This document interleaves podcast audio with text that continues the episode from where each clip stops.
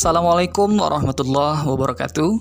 Halo semuanya, kembali lagi di podcast Bengkel Belajar. Di senior kali ini, aku akan membahas tentang satu isu penting yang sebenarnya sudah ingin aku bahas bertahun-tahun yang lalu, tapi baru kali ini bisa direalisasikan. Nah, isu itu adalah bagaimana sih sebenarnya kehidupan di balik dinding pondok pesantren. Ada dua alasan kenapa isu ini ingin aku bahas. Yang pertama, karena sejak beberapa tahun terakhir itu muncul stigma baru bahwa pondok pesantren adalah institusi atau lembaga pendidikan yang tidak lagi aman dan tidak lagi suci. Kasus-kasus pelecehan dan kekerasan seksual tiba-tiba mencuat. Berita-berita tentang bullying dan perundungan itu bahkan sampai membuat beberapa santri meninggal dunia itu keluar di mana-mana. Nah, kasus-kasus seperti ini tentu mencoreng nama baik dan marwah pondok pesantren. Tapi tidak adil rasanya kalau seandainya hanya gara-gara satu kasus atau dua kasus, semuanya malah kita anggap sama. Apalagi kan anak-anak yang tinggal di pondok pesantren itu tidak bisa dipantau seperti anak-anak yang berada di sekolah pada umumnya. Lingkungannya eksklusif dan kita nggak pernah tahu apa yang terjadi di balik tembok atau dinding pesantren tersebut. Sehingga ada ketakutan dan kengerian dari masyarakat kita mengenai hal itu. Nah, oleh karena itu, hari ini aku mengundang dua orang alumni dari pondok pesantren untuk bersama-sama membahas tentang isu tersebut. Gimana sih sebenarnya kehidupan di balik dinding pondok pesantren itu?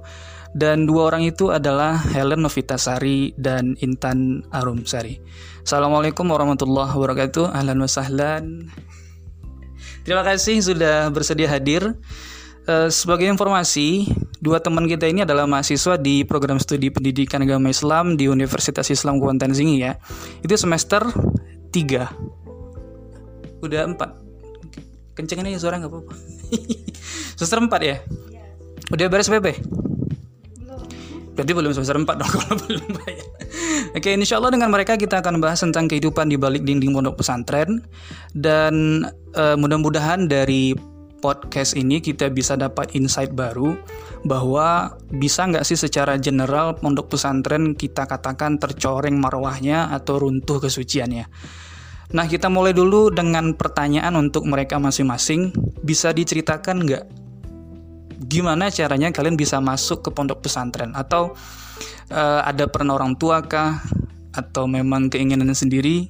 Dan kalau memang keinginan sendiri, itu didukung orang tua apa enggak? Dan silakan dijelaskan masing-masing. Mungkin dari Helen terlebih dahulu. Oke, baik uh, untuk pertanyaan ini uh, kenapa bisa masuk pesantren gitu ya uh, secara saya sendiri juga enam tahun di pesantren. Nah dulu ketika SD itu memang belum tahu uh, pesantren itu apa bagaimana dan ba seperti apa sih pesantren itu gitu. Juga tidak punya saudara dekat yang uh, awalnya dia juga di pesantren gitu tidak juga punya. Tapi uh, ketika ngambil nomor kelulusan di SD, nah beberapa teman teman dekat itu mereka sebagian pergi ke pesantren di Jawa Timur. Nah uh, terus ada juga satu orang di Taluk katanya gitu udah daftar. Nah saya sendiri belum daftar ke mana-mana gitu kan. Jadi uh, terbesit untuk ikut-ikutan. Nah awalnya ikut-ikutan karena teman. Ya karena karena tidak tahu pesantren itu seperti apa gitu kan tapi dulu ketika SD uh, eh, dari kelas 4 SD itu udah belajar sama guru ngaji besok bakal ke Jawa katanya gitu. Masuk pondok. Cuman kan belum tahu gambarannya seperti apa. Bentar, SD eh di mana? Di PT di Kuko namanya. Oh, iya. Nah terus itu uh, ikut-ikutan teman dan ternyata teman itu udah daftar. Nah besoknya hari Senin itu Hidin diantar daftar gitu kan. Tapi ini ada beda pendapat uh, dari kedua orang tua.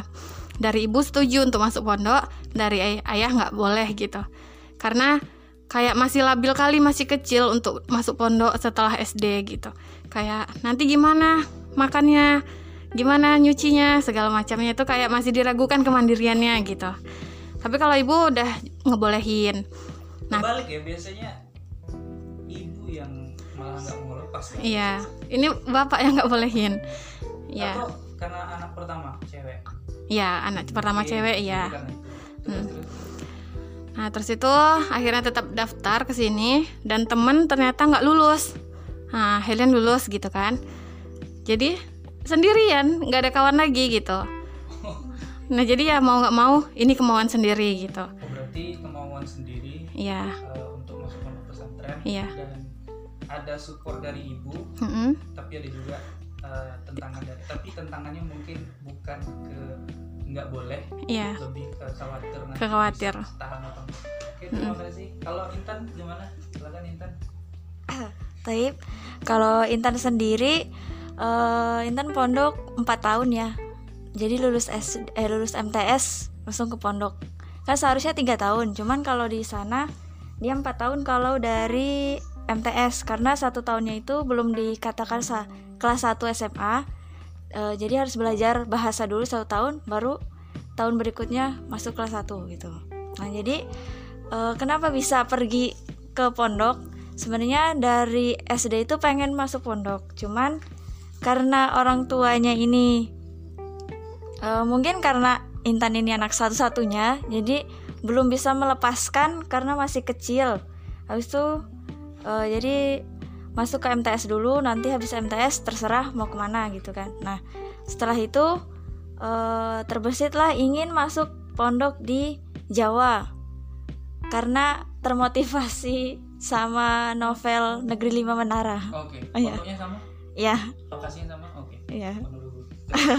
Nah, eh, udah itu kan izin ke orang tua mau ke Jawa itu ternyata dari ibu nggak membolehkan karena jauh nanti nggak bisa dijenguk. Jadi eh, dicarilah pondok-pondok yang sama seperti yang di Jawa itu, gitu. Dan ketemu di Bengkalis. Nah, dan langsung masuk ke sana jadinya. Empat tahun berarti. Ya.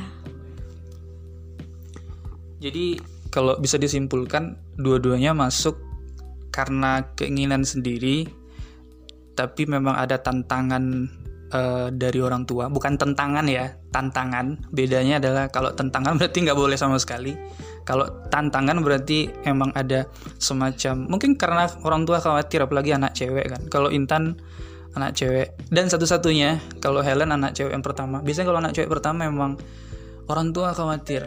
Dosen kita itu juga sama. Dia galau sampai hari ini gara-gara anaknya masuk pondok. Iya beneran. Galau.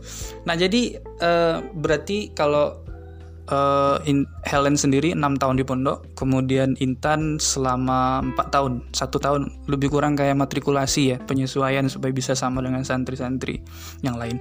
Nah itu kan berarti ketika masuk ke pondok kehidupan berbeda. Situasinya nggak sama kayak di rumah.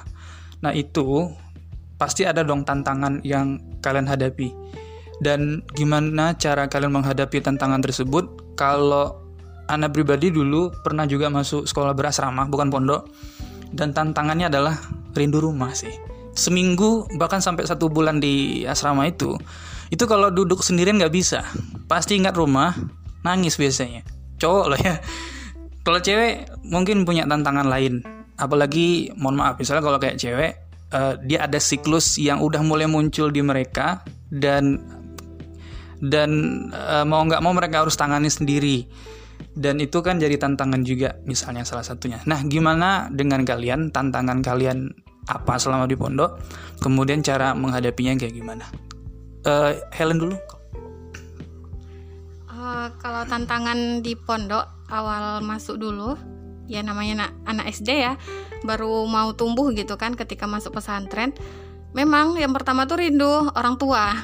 Eh, lebih tepatnya tuh rindu ibu lah gitu kan. Karena hari-hari kan kita sama mereka makan di eh, diperhatikan. Tambah lagi dulu Hidin orangnya bukan yang anak yang mudah makan gitu. Masih harus diingatkan atau dipaksa untuk makan kalau sekarang kalau sekarang ya enggak lah Oh, oke.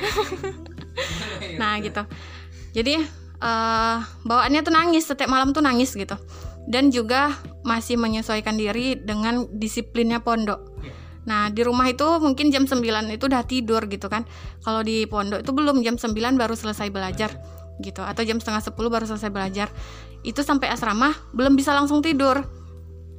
Harus ngerjain uh, tugas terus harus menghafal untuk besok setoran subuh. Kalau nggak setoran kena hukum. Pokoknya dulu tuh uh, peraturan tuh kayak dikit-dikit hukuman dikit-dikit hukuman gitu kan supaya disiplin. Nah kayak gitu sih kalau menurut Deden dan untuk mengatasinya gitu kan uh, pertama karena mungkin masih baru itu ada uh, pondok itu nyediain nelpon gitu dua kali seminggu. Nah jadi caranya ya dengan ditelepon atau nanti uh, dijengukin sekali seminggu kayak gitu. Uh, menurut Intan sendiri sih nggak jauh beda sama kayak Helen ya tadi uh, cuman kalau karena Intan masuk dari MTS kan udah lebih dewasa gitu udah besar juga jadi tantangannya ya kalau rindu rumah ada Cuman kalau di sana itu anak baru itu ada hiburannya tersendiri gitu. Contohnya uh, apa namanya kemah untuk santri baru gitu. Terus ada juga PA. PA itu panggung gembira untuk santri baru juga gitu. Jadi uh, biar santri baru ini tidak rindu rumah terus, tidak keinget rumah terus, jadi diadakan yang namanya uh, apa hiburan untuk santri baru gitu. Ya. Berarti sebenarnya pondok itu ngerti dong kondisi santriwati sebenarnya kan atau santri. Jadi mereka udah nyediain solusinya. Kalau rindu rumah ada telepon. Tapi ya mungkin uh, tidak setiap hari dia telepon dan juga panggung gembira kan nggak juga tiap hari karena pasti repot bongkar pasang panggung terus. Oke, okay, uh, eh, kemudian setelah menjadi santriwati di pondok pesantren, kalian kan hidup di dunia yang berbeda. Maksudnya berbeda adalah kehidupan sekolahnya pasti beda dengan sekolah pada umumnya. Teman-temannya pasti beda juga, lingkungannya udah jelas di setting berbeda. Nah itu ada yang nambah nggak dari wawasan kalian dengan kehidupan di pondok pesantren yang seperti itu? Kalau anak sedur anak pribadi dulu karena masuk sekolah berasrama itu, yang berubah adalah soal gimana kita ngelihat uh, waktu itu penting banget kemudian belajar juga untuk manajemen. Kita kan nyuci sendiri, urus-urus semua sendiri. Kalau kita udah bikin jadwal nih jam sekian cuci baju, kalau kita nggak tepatin itu keteteran nanti sampai berikut berikutnya. Artinya kita belajar untuk menghargai waktu dan baru ngehnya di situ.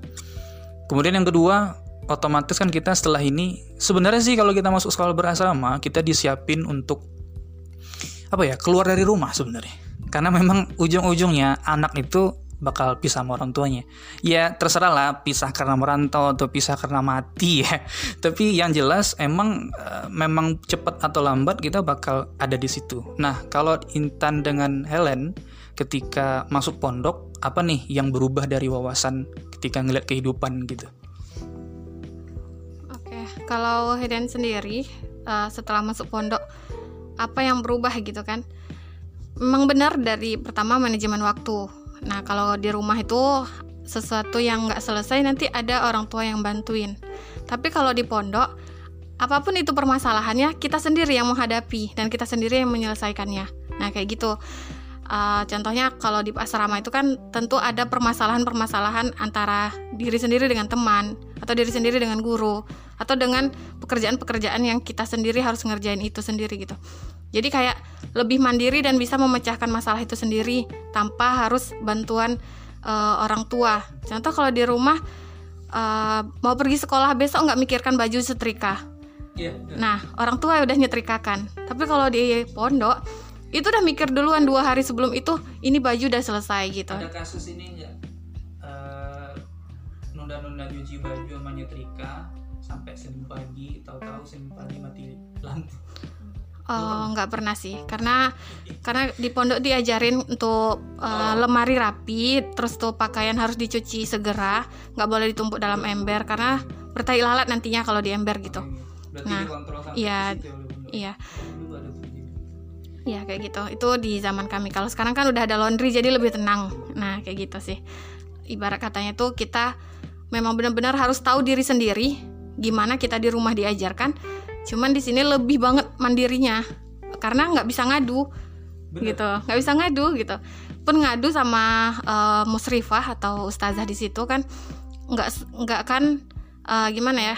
Nggak selamanya kita bisa mengadu dan bergantung gitu jadi kita harus bisa mandiri banget bisa menyelesaikan masalah kita sendiri. Kalaupun memang itu berat dan kita nggak mampu nanti kita nelpon apa kira-kira solusi yang kita dapat? Dan kita bisa laksanakan itu gitu. Itu aja sekian. Ya menurut saya sendiri sih lebih ke waktu ya. Karena kerasanya baru sekarang tuh. Nggak sekarang sih sebenarnya. Udah lalu-lalu tapi uh, lebih kerasa sekarang. Karena kalau pondok kan kemarin uh, mau tidur mau makan mau mandi semua itu udah di manage itu tibanya lulus dari pondok tuh kayak jadi kembali ke awal lagi gitu. Harus memanage awal lagi gitu. Jadi uh, lebih ke waktu aja sih gitu.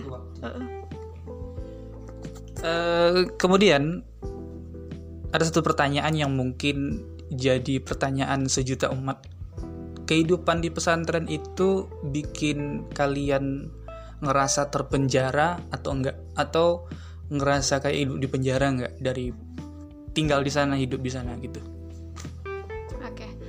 Banyak orang yang bilang kalau di pesantren itu bagaikan hidup di penjara sebenarnya kan kita sendiri aja belum tahu hidup di penjara itu seperti apa. Nah, gitu.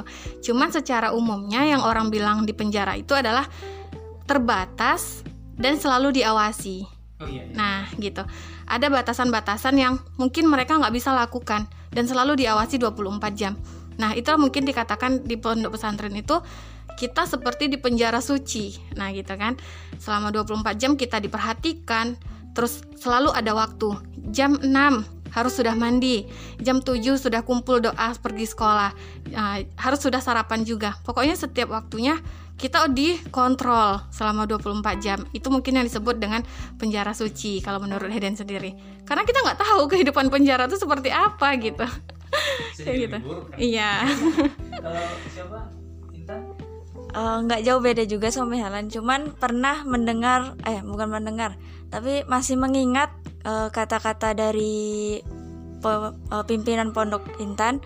Uh, setiap uh, mau setiap ada yang namanya kalau misalnya anak baru tuh kan batur ars itu kayak perkenalan tentang pondok gitu kan. Jadi beliau itu kayak bercerita gini ke pondok itu jangan seperti monyet yang memakan manggis.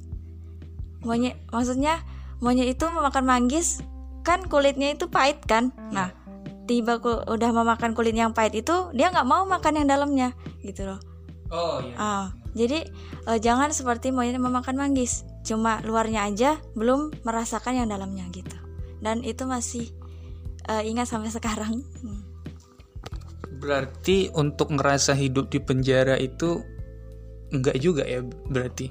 Uh, memang bener sih kehidupan di asrama. Sebenarnya kalau kita tinggal di rumah pun juga ada pengawasan, kemudian ada aturan juga yang jelas beda aja tiap rumah mungkin. Uh, dan itu semakin ketat aturan sebenarnya kan untuk kebaikan si santriwatinya juga. Hidup ngerasa diawasin itu ada ada bagusnya juga karena kalau seandainya mereka nggak ngerasa diawasin terlalu bebas itu luar biasa efeknya buruknya maksudnya oke jadi ini ya kehidupan uh, Intan dan Helen ketika bersinggungan dengan pondok pesantren. Jadi mereka sendiri sebenarnya pengen masuk pondok itu uh, dari niatan mereka sendiri, meskipun ada tantangan, ada ada tantangan, sorry, ada tantangan dari orang tua, uh, ada keraguan anaknya nanti bisa tahan apa enggak, tapi pada akhirnya bisa selesai di sana. Si Helen 6 tahun, si Intan 4 tahun di pondok pesantren. Dan ada perubahan-perubahan soal ngelihat waktu, soal manajemen, bahwasanya kita memang uh, harus belajar sedini mungkin untuk mengatur segala sesuatunya dengan rapi gitu. Oke, ini uh, insight pertama yang kita tahu dari seorang alumni di pondok pesantren karena uh, orang yang nggak masuk pondok itu kan cenderung ngelihat pondok pesantren itu seperti hidup di penjara, ada paksaan dan segala macamnya. Tapi dari cerita mereka kita bisa tahu bahwasanya kehidupan di pesantren itu nggak sejelek itu. Malah sebenarnya tadi Intan sempat bilang jangan uh, jangan pandang kehidupan pondok pesantren seperti monyet makan manggis. Jadi kalau ada yang sampai hari ini nganggap pondok sejelek itu, berarti mereka monyet yang makan manggis.